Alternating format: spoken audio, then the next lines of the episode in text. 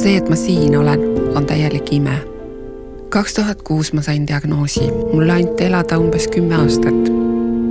minu elu eesmärgiks sai elada nii kaua, kuni lapsed oleksid suured.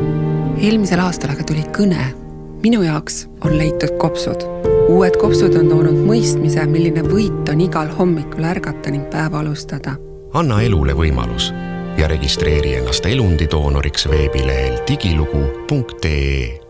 Kuku Raadios välja öeldud seisukohad ei pea ühtima Kuku Raadio seisukohtadega. Te kuulate Kuku Raadiot.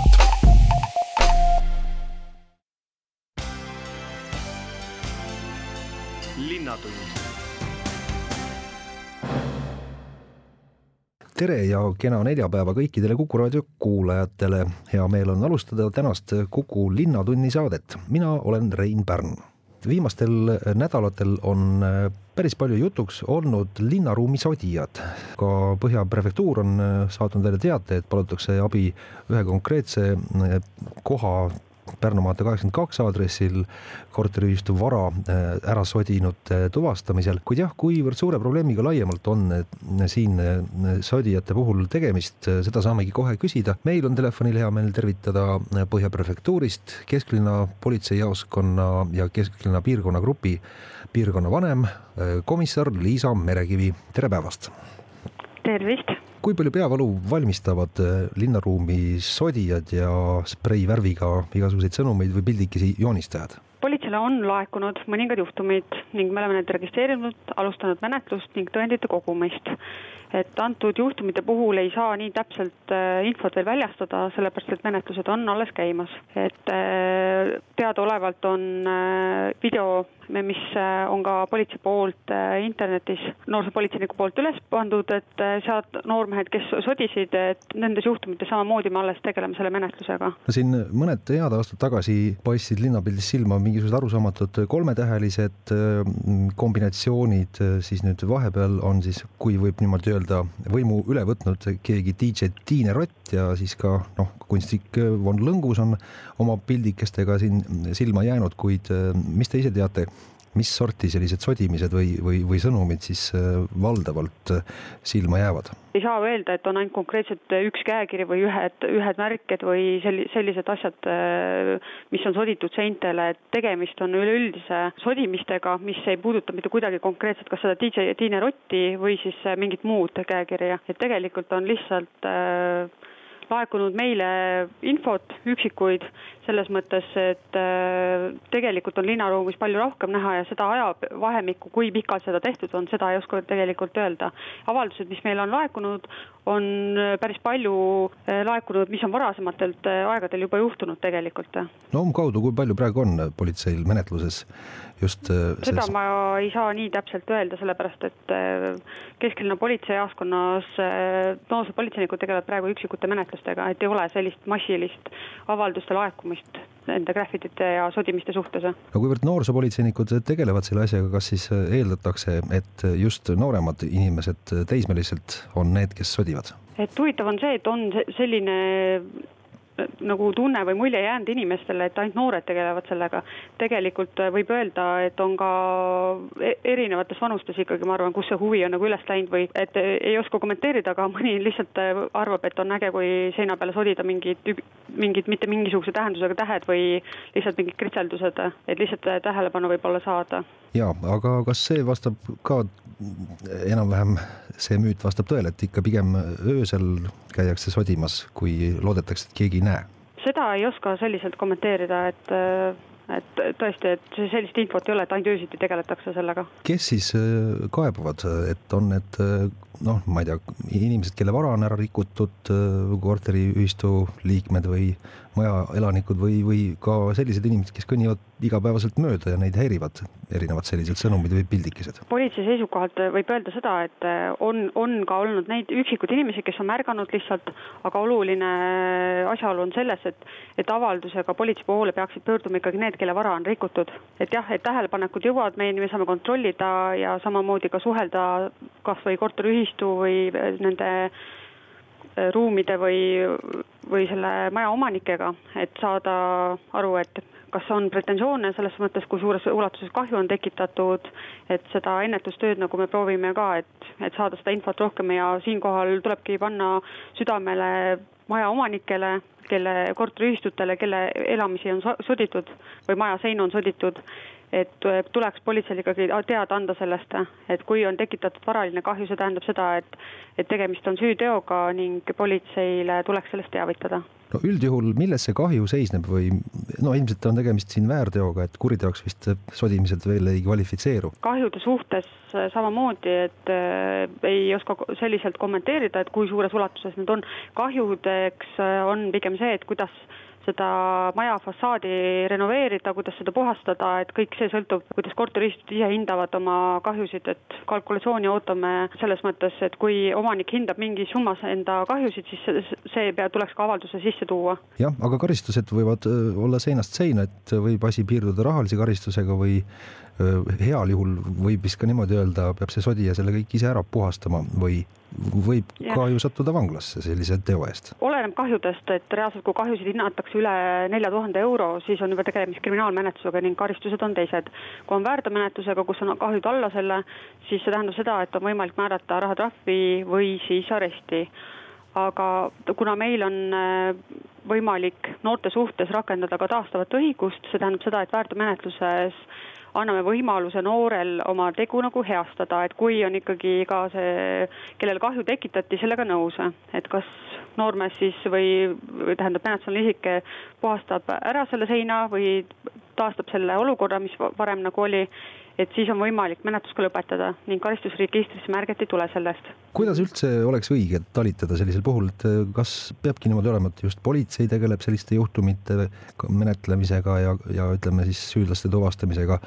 või peaks eh, ütleme, majaomanik või kelle vara on rikutud, hoopis pöörduma kohaliku omavalitsuse Äh, korrakaitse poole? et kuna antud tegu ikkagi kvalifitseerub äh, vara rikkumise alla, siis menetleb ja tegeleb nende sündmustega ikkagi politsei. sellepärast ongi oluline, et kui sellist äh, korteriühistu või, või majaomanik, kes avastab sellise rikkumise, teavitab meid, äh, kui on vähegi võimalik tõendite kogumisel, kas salvestused või fotod või äh, täpselt nagu ma enne rääkisin, ka see kalkulatsioon, et kui palju tegelikult äh, selle olukorra taastamiseks materiaalselt maksma läheb, et sellised asjad on kõik olulised meile. kui edukalt politsei praegu nende sodijatega on võidelnud, et kui paljud on ka tabatud ja on siis ka mõned konkreetsemad karistused juba kellelgi käes või mismoodi? Menetluse poole pealt ma ei saa nii täpseid asjaolusid äh, väljastada, et selles suhtes väga aktiivselt toimetavad meie noorsoopolitseinikud nende juhtumitega. tegeletakse aktiivselt äh, ütluste võtmisega ning praegu ei saa kommenteerida üle, ülejäänud asju. ja tulles selle jutu alguse juurde tagasi, et kui võib-olla jah, meedia on võib-olla pisut äh, sagedamini võtnud nüüd jutuks need spreivärviga sodijad, siis kas olukord tegelikult on, on muutunud või on hakanud neid sodimisi rohkem tulema või on selline ikkagi konstantne stabiilne olukord tänavatel? pigem ma leian, et kuna praegu on lihtsalt saanud väga suurt meedia tähelepanu, need sodimised ja üleüldse sellised mingid märked, mida inimesed tähele panevad, et leian, et väga tänuväärne on see, et kodanikud ikkagi pööravad tähelepanu sellistele, et seda ei saa öelda, et nüüd on järsku nüüd paari kuuga on selline probleem tekkinud, et see on ikkagi ajapikku, et kus, kus ikkagi selliseid asju tehakse mm. -hmm. et ei ole ainult see, et nüüd äh, näiteks siin paari viimase kuuga nüüd järsku äh, hakanud kõik su suuremal hulgal siin sodima, et pigem on see pika, pikema ajaperioodi jooksul toimunud asjad. ma väga tänan äh, Kesklinna piirkonnagrupist piirkonna vanemkomissar Liisa Merekivi, et said meile seda teemat kommenteerida. soovin jõudu, jaksu töödes tegemistes. aitäh ja kõike head. linnatund teada on, et äh, Tallinnas ehitatakse enneolematutes mahtudes hetkel ja see toob omadega kaasa loomulikult ka äh, sageli päris põhjalikud kaevetööd, kuid seda, et äh, mõne maja ehitusel mm, tuleb kaevetööde käigus välja kalmistu, mille olemasolust äh, polnud äh, teadlastel aimugi, seda juhtub ikka üsnagi harva. aga nüüd on Tallinnas Oda ja Küti tänava nurgal Kalamajas üks selline lugu juhtunud, kus on täiesti uus, ennem mitte teadaolev kalmistu välja kaevatud ja kuivõrd suure avastusega siis tegemist on ja mis sorti kalmistuga tegemist on, seda saamegi kohe kohe küsida, meil on telefonil hea meel tervitada Tartu Ülikooli Ajaloo ja Arheoloogia Instituudi arheoloog Martin Malve, tere päevast! ja tervist! tegemist on siis Kalamaja kirikaiaga tõenäoliselt, mille me oleme siis avastanud et seal kunagi oli ka lausa eh, kirik eh, seal kõrval, sellest eh, on ka midagi alles või, või aimu sellest? noh, paraku on meil olemas seitsmeteistkümnenda sajandi teisest poolest kaardid, ajaloolised kaardid, aga noh, ajaloolised kaardid paraku meil ei anna asukohta kätte, et seal on lihtsalt kujutatud kiriku põhiplaan või niisugune, ütleme, et kiriku pilt on kujutatud peale, aga, aga kus see täpselt asub, seda me, seda me niimoodi kindlaks teha ei, ei, ei, ei, ei oska ja, ja need, need ehitustööd selle kalmistu peale sattusid, on äh, selles mõttes suur avastus, et nad sattusid tõenäoliselt kalmistu äärealale. et kui oleks veel mõned, mõned meetrid äh, see kalmistu asunud, asunud nii-öelda tänava peale, siis ei oleks üldse kalmistule nii-öelda ehitus pihta saanudki. et äh, oli teada, et kusagil kunagi oli Kalamaja kirik, aga kus see täpselt asus ja kus see kalmistu seal kiriku lähedal oli, sellest ka ei olnud aimu? absoluutselt mitte jah, no kui suur see kalmistu siis äh, on, kui mitu ruutmeetrit ja kui, kui mitme säilmega? hetkel me oleme leidnud äh, umbes äh, kolmteist, neliteist matust, kõik on ilusti maetud kirstudes, peaga läände, nagu, nagu kristliku kombe kohaselt ikka. kirstud on siis tavalised laudkirstud, mis on siis naeltega kokku löödud mida kirstudesse kaasa pandud on, enamasti Rootsi, kuna tegemist võiks olla Rootsi-aegse kalmistuga, siis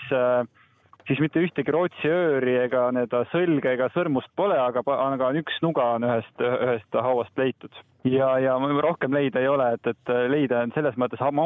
matuste juurest väga vähe. aga kui palju olete nüüd jõudnud seda kõike seal läbi kammida ja läbi sõeluda, et millal nii-öelda teie Äh, tõe välja selgitada, selgitate, et äh, mis seal kõike või, võib olla? no täieliku tõe täie teadasaamiseks võtab kindlasti aega, et äh, ühest küljest on need luustikud, kuna mina olen luuarheoloog, eks, mis tähendab siis seda, et, et mina juhatan siis nende matuste koha peal väljakaevamist, dokumenteerin, pildistan, mõõdistame ja siis need edasi lähevad mul Tartu Ülikooli arheoloogialaborisse, kus need luustikud siis hoolikalt puhastatakse ja siis tulevad mu töölauale kus siis nii-öelda hakkab seal nii-öelda põhitöö luustikega, vaatame, mis, mis soost nad on, vanus surmahetkel ja vigastused ja, ja, ja, ja sellised asjad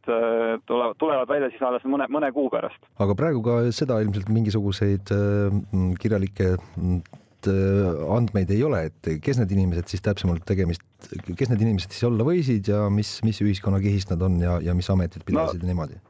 No tõenäoliselt on kohalike kalamaja nii-öelda selle asumi elanikega, et kohe koguduse liikmed, kes seal ümber, ümber, ümbritse, ümbriskonnas elasid ja, ja nii-öelda tavainimesed. mis nüüd luude koha pealt võib nagu lisada, et ühel luustikul oli ka näha vägivalla tundemärke, et, et oli mõned, mõned lõikehäljed äh, luustikul, et mis on muidugi ka harukordne, et vägivalda, vägivalla tunnustega luustikke me ka just väga tihedasti ei leia, et et aga muidugi see ei ütle meile, et tegemist oleks mingi vägivallakalmistuga, et, et neid üksikuid äh, vägivalla tunnustega luustikke on ka tavakalmistutel, et ikka tuli nii-öelda ühiskonnas siin-seal mingisugust vägivalda ette. no lootus on ka, et sellest Kalamaja kirikust äh, midagi leitakse, kas mõni alusmüüri osa või midagi sellist äh, olete midagi ja, täpselt, kohanud? ja täpselt nii, et, et see võib veel tulla, kuna selle hoonele, mis sinna rajatakse, tulevad äh, kommunikatsioonid mööda Küti ja Oda tänavat ja me usume, sinna Oda tänava ja Küti tänava ristmikule võiks see kalmistu tuumikala jääda, et, et siis on nii-öelda nii-öelda edasised äh, kuud toovad kindlasti palju, palju teavet selle kohta, kus kohas näiteks see kirik võis asuda ja, ja kui palju sinna oli maetud, et praegust on näiteks need matused enamasti ühes kihis, kuna me oleme Kiie kalmistu äärel, siis on ühes kihis, mõnes kohas ka kahes kihis, et, et niisugune hõred, hõredalt on hetkel. just nimelt, mis sellest uuest majast nüüd saab, mida sinna hakati üleüldse ehitama, ega see nüüd noh, hetkel muidugi loomulikult on see ehitus eh, peatunud ja, ja graafik läheb natukene eh, pikemaks, kauemaks, aga Eh, kui palju nüüd peab plaane ümber tegema? tegelikult see uue hoone ehitamist absoluutselt ei sega, et see ei jää üldse hoone nii-öelda vundamendi süvendisse või sinna nii-öelda ehitus, ehitusalale, et, et need ka matused tulid välja kõik kommunikatsioonide ehitamisele, torustikud ja, ja, ja sellised asjad, et, et et, e, et nii-öelda selle hoone, hoone ehitamist nii-öelda ei, ei, ei takista keegi. aga kas see kalmistu ja võimalik uut Kalamaja kiriku mingisugused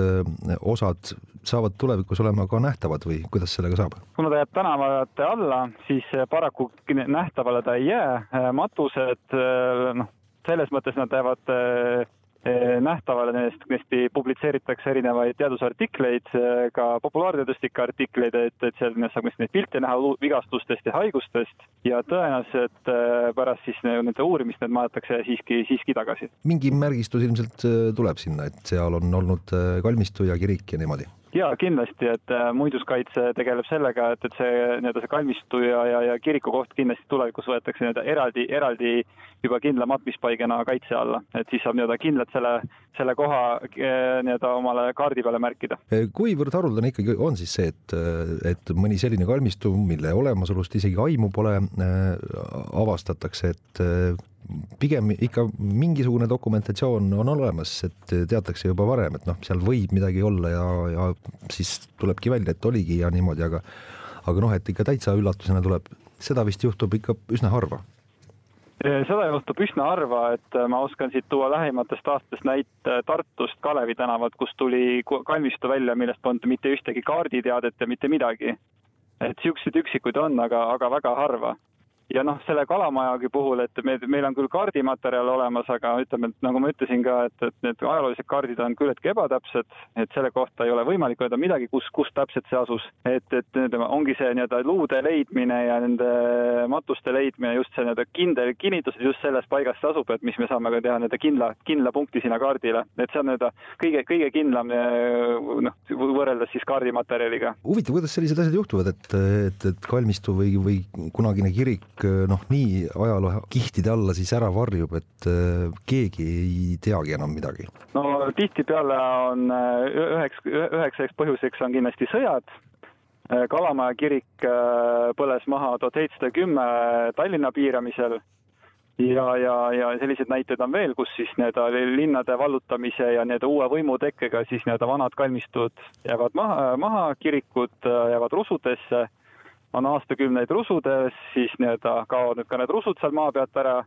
kaovad ka hauatähised ära ja siis nii-öelda jääbki plats, mis siis mõnesaja aasta pärast siis ehitatakse täis, et et paraku jah, need kõik niisugused linna ümbri-, nii-öelda Tallinna, Tallinna vanalinna ümbritsevad varuusaegsed asulate puhul ongi niimoodi, et need on mingil ajal kirikud ja kabelid on seal olnud ja matmispaigad, siis on sõdades nad saanud kannatada, on nad maatasa tehtud ja, ja, ja siis hiljem, kui linn on siis järjest laienenud, laienenud, on siis ka võetud nüüd siis need kalmistu, kalmistualad kasutusele. et sama, sama asi ka Kalamaja puhul, et, et sinna paljud matused olid ka üheksateistkümnenda sajandi hoonestusega juba lõhut-, lõhutud, et, et et seda ehitustegevust äh, on tegelikult ka juba varem seal kalmistu peal olnud,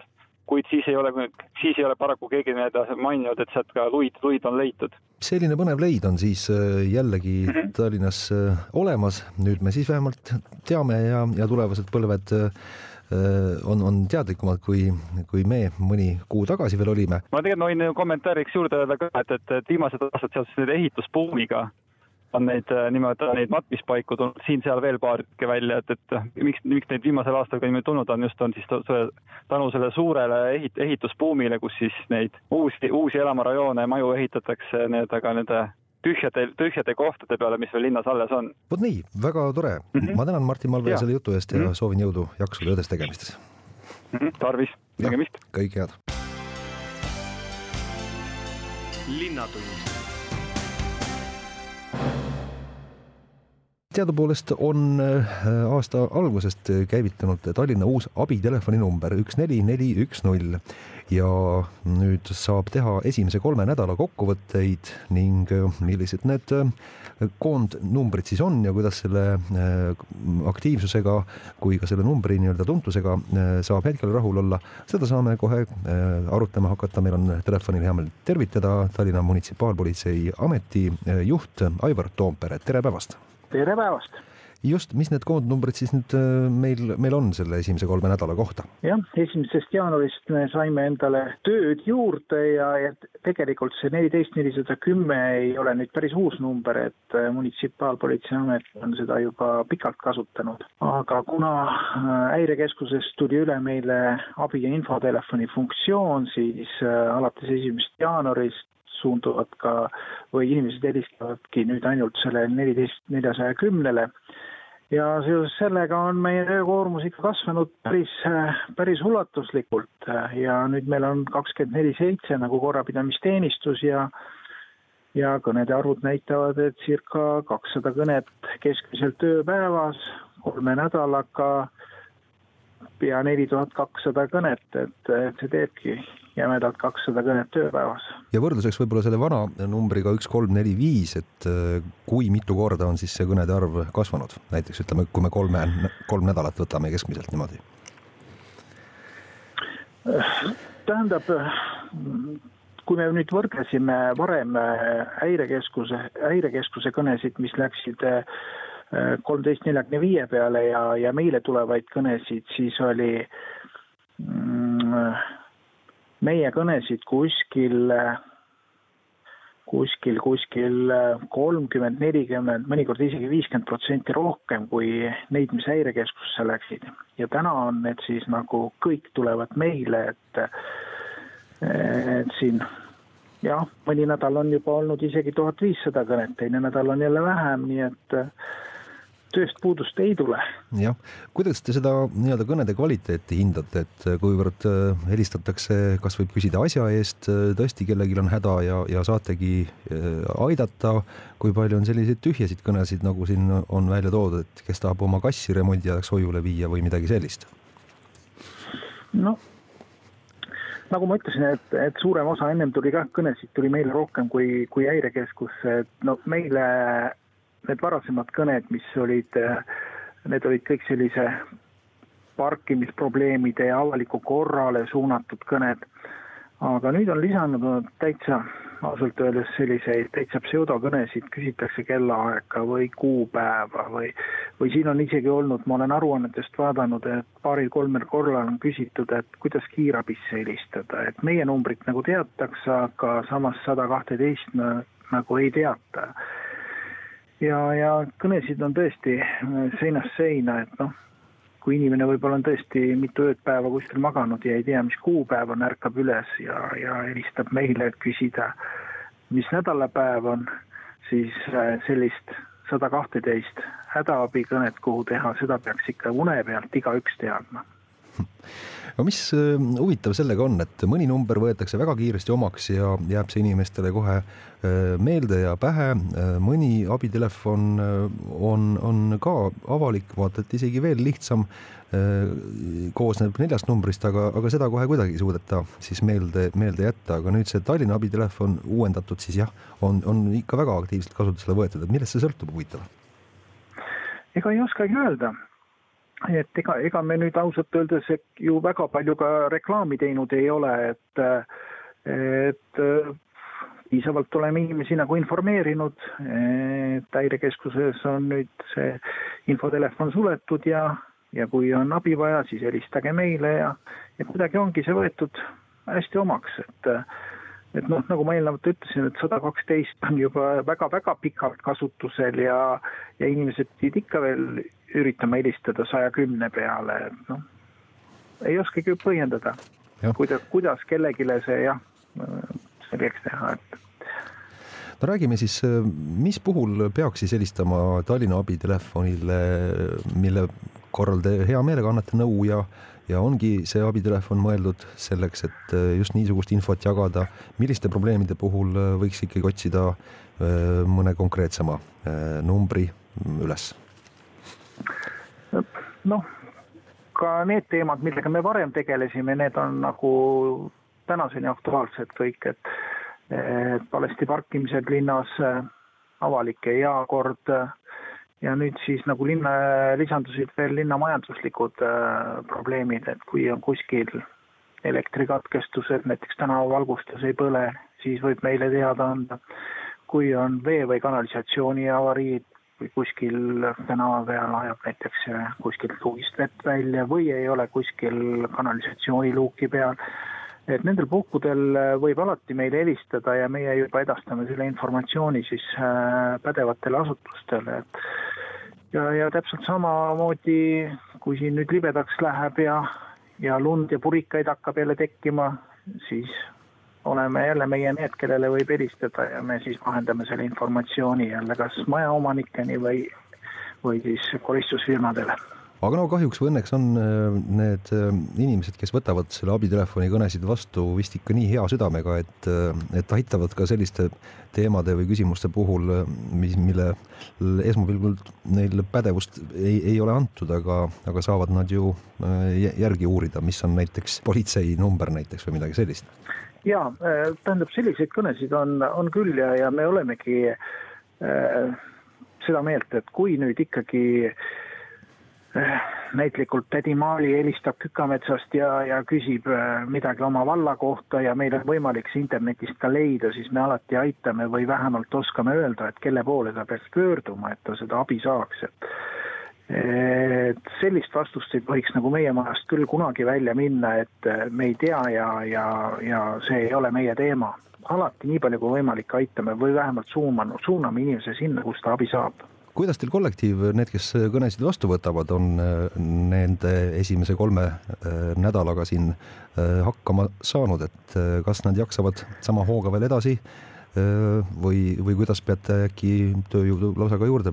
palkama, kes neid kõnesid vastu võtavad? Mm, tegelikult me palkasimegi tööjõudu juurde ja õnneks tulid meile häirekeskusest üle töötajad kes juba seal seda tööd tegid, nemad õppisid juurde seda poolt, millega enne munitsipaalpolitsei tegeles ja siis meie korrapidajad õppisid jälle juurde seda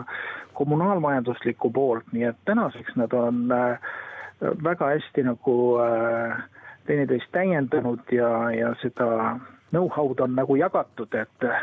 et täna võib küll, olen isiklikult oma töötajatega väga rahul ja täna võib öelda küll, et nad on väga hästi hakkama saanud. aga on teil võimekus, kui noh, no jällegi tuleb mingisugune torm või või mis iganes äh, erakordne lumi sajab äh, maha või noh, eks see ilm on see ikka, mis päris palju määrab, kuidas meil see elu siin käib, et kas on võimekust äh, ka siis nagu nii-öelda panna avariibrigaadid välja? ja meil on võime, võimekus luua töökohti kohe juurde, tähendab inimesi juurde panna ja kuna äh, Tallinna linna kriisistaap asub ka meie majas siis meil on võimalik ka, kui kriisistaap kokku kutsutakse, võimalik ka läbi korrapidaja või otse olla ühenduses erinevate ametkondadega, erinevate asutustega, võib-olla teiste maakondade või, või omavalitsuste kriisistaapidega, nii et meil see võimekus on täiesti olemas. üks huvitav aspekt, teilt saab infot ka inglise keeles, ka välismaalased, ma ei tea, kui palju on helistanud ja kui palju nemad seda numbrit teavad ja, ja abi on teil saanud, olete ka seda natukene jälginud või äh,? aeg-ajalt ikka helistatakse ja seda reeglina turistid, eks neile, eks nad küsivad kuskilt numbrit ja, ja kui nad arvavadki, et kui on, kas neil midagi varastatud või, või mingi probleem, et siis nad peakski alati nagu kohalikule politseile helistama. aga reeglina nende teemad kuuluvad kõik äh, riigipolitsei valdkonda ja äh, ja noh, oleme üritanud ikka neid nii palju aidata, kui, kui võimalik on ja, ja teinekord on ka mõni eksinud inimene, et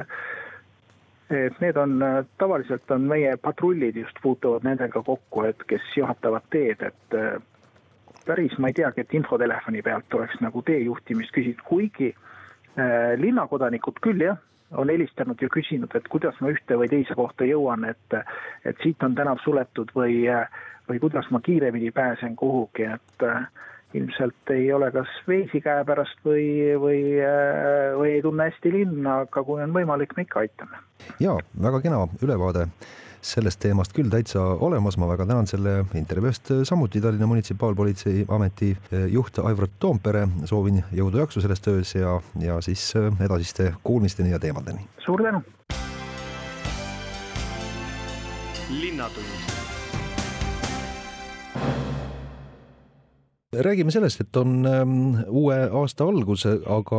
hea on ikka vaadata paljudele teemadele äh, tagasi, mis toimus eelmisel aastal. Tallinna loomade varjupaigal on ka nüüd kokkuvõte kahe tuhande üheksateistkümnenda aasta kohta tehtud. millised need ähm, koondnumbrid siis olid, kui paljud loomad äh, läbi käisid Tallinna loomade varjupaigast, äh, seda saamegi nüüd kohe kuulda. hea meel on tervitada telefonil Tallinna loomade varjupaiga juhataja Relika Lind, tere päevast! Päevast! tere päevast! kuidas te kokku võtaksite selle läinud aasta, kuivõrd töine oli ja mis need konkreetsemad numbrid äh, välja tooksite? läinud aasta oli meil ülimalt edukas äh, ja seda panid tähele isegi meie Tallinna linnavalitsuse keskkonna- kommunaalamet, et meil oli tõsiselt äh, väga tegus aasta ja väga edukas aasta. et kokku me aitasime uut kodu leida seitsmekümne kolmele koerale neljasaja kaheksakümne kolmele kassile, hamstritele, küülikutele, meriseadele, rottidele, tuvidele ja isegi üks kana novembrikuus sai tagasi koju. ja väljakutseid oli meil üle kahe tuhande ja kokku sai meil kiibistatud üle kuuesaja looma ja steriliseeritud, kastreeritud peaaegu viissada. nii et äh, väga suu, väga tegus aasta oli ja me oleme, meil on tõsiselt hea meel tõdeda, et aasta lõpus oli aastavahetusel, meil oli varjupaigas kõigest äh, viis looma ja alla saja kassi. minu eesmärk oli see, et aastavahetust äh, võtaks vastu kindlasti alla saja kassi ja, ja see sai tehtud niimoodi, et hoiukodudes olid küll mõned loomad, aga nad on siiamaani hoiukodudes, nii et õnneks, õnneks me liigume selle poole, et varjupaigas varsti ei ole ühtegi looma kuidas need loomad siis äh, omale uue kodu või, või jah, vana kodu siis üles leiavad, et et või, või kuidapidi see käib, et kas äh, lihtsalt nad on ära kadunud, ära jooksnud kodust, plehku pannud äh, ja siis omanik äh, saab sinna teile järgi tulla või, või peate ikkagi paljudele ka uue kodu leidma, kuidas sellega on? no lugusid on erinevaid, et on selliseid, selliseid juhtumeid, kus omanik näiteks sureb ära ja ei ole tal hädasi ja niimoodi tulevad loomad meile Sotsiaalameti kaudu on sellised, kes äh, jooksevad ära ja omanik küll otsib, aga siis loobub otsimisest ja, ja võtab endale uue looma ja, ja see vana loom istub meie juures. et äh, igat, igatpidi on äh, tõsiselt iga, igasuguseid ja viimasel ajal viimasel ajal küll on väga palju juhtumeid selliseid olnud, kus äh, näiteks perre sünnib laps ja leitakse, et loomal enam ei ole kohta peres. kahjuks on ka selliseid ja viimaste paari, viimase paari kuu jooksul on mitmeid olnud selliseid juhtumeid, kus inimesed tulevad, astuvadki sisse, et perre sündis laps ja koerale või kassile roh pole rohkem ruumi no valdavalt äh, on ikkagi kassid ja koerad need, aga, aga see, et noh, näiteks hamstrid ja küülikud ja, ja merisead, äh, lausa ka eksootilised linnud, papagoid leiavad tee või satuvad äh, Tallinna loomade varjupaika, et kas seda on ka varasematel aastatel olnud? jaa, seda on ka varasematel aastatel olnud ja seda tuleb ikka ette, sellepärast et inimesed looma soetades eri, no eksootilist, praegu hetkel me räägime eksootilistest loomadest ei teadvusta endale, mis kaasneb sellega, selle loomapidamisega ja tihtipeale ei, ei suuda nad äh, seda, ei suuda hakkama saada, et äh, erinevaid äh, kilpkonnadele ja, ja teatud iguaanidele on vaja eritingimusi, soojuslampe ja kõike muud. ja ei saada sellega hakkama, täpselt samamoodi papagoidega. et linde näiteks on vaja ka lendama lasta toas ja siis äh, pannakse kinni, oli siin ka juhus, kus pan-, pandi kinni, linnud lasti avalikus WC-s lendu ja, ja nii nendest lahti saad-, saadi ja nii nad meile sattusid. laiemalt, mida te olete tähendanud, kas loodetavasti on äh, omanikud äh, natukene vastutustundlikumad, et äh, mõtlevad rohkem ennem kui omale lemmiku soetavad, et mis saab pärast, kui lemmikust saab võib-olla tüdimus ette või tekivad mingisugused probleemid või või, või hoopistükkis näete vastupidist trendi, et, et järjest suurema hooga, järjest väiksema vastutusega omale lemmikuid võetakse? siinkohal pean täiskasvanud inimesed inimestele panema südamele selle asja, et on vaja õpetada oma lapsi ja seda on ka kohe on lastel peres või täiskasvanutel on kunagi loomi olnud, valdav enamus on nemad siis vastutustundlikumad, nemad teavad, mis kaasneb loomapidamisega. Et siin jah, siin on väga oluline see, et äh, vanemad äh, õpetaksid, ise ennast hariksid ja õpetaksid ka oma lastele, et see on eelkõige vastutus ja kui sa selle vastutuse võtad, siis äh, peab teadvustama seda, et lemmikloom elab mitte tavaliselt mitte üks aasta, vaid koerad ja kassid on kümme, kaksteist ja kakskümmend aastat ja et see kohustus langebki inimesele kõikiks nendeks aastateks. juba on mõnda aastat äh, on siis Väljassaares Tallinna Loomade Varjupaik tegutsenud, äh, nüüd vist tundub, et äh, see on üks väga hädavajalik asutus pealinnas, et ma ei teagi, mis need loomad, linnud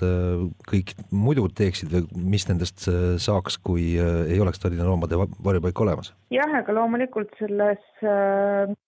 linnas, vaid ka mujal Eestis, et äh, paraku meie elu näitab, et äh, praeguses ühiskonnas on varjupaigad hädavajalikud, et sinna ikka loomi satub ja tühjaks nad jäänud ei ole, eriti kassidest, sellepärast me olemegi väga palju rääkinud sellest, et äh, loomi on vaja hoida ja meie vastutada on ka nende, kui nad toovad järglasi, siis ka see on meie vastutusel.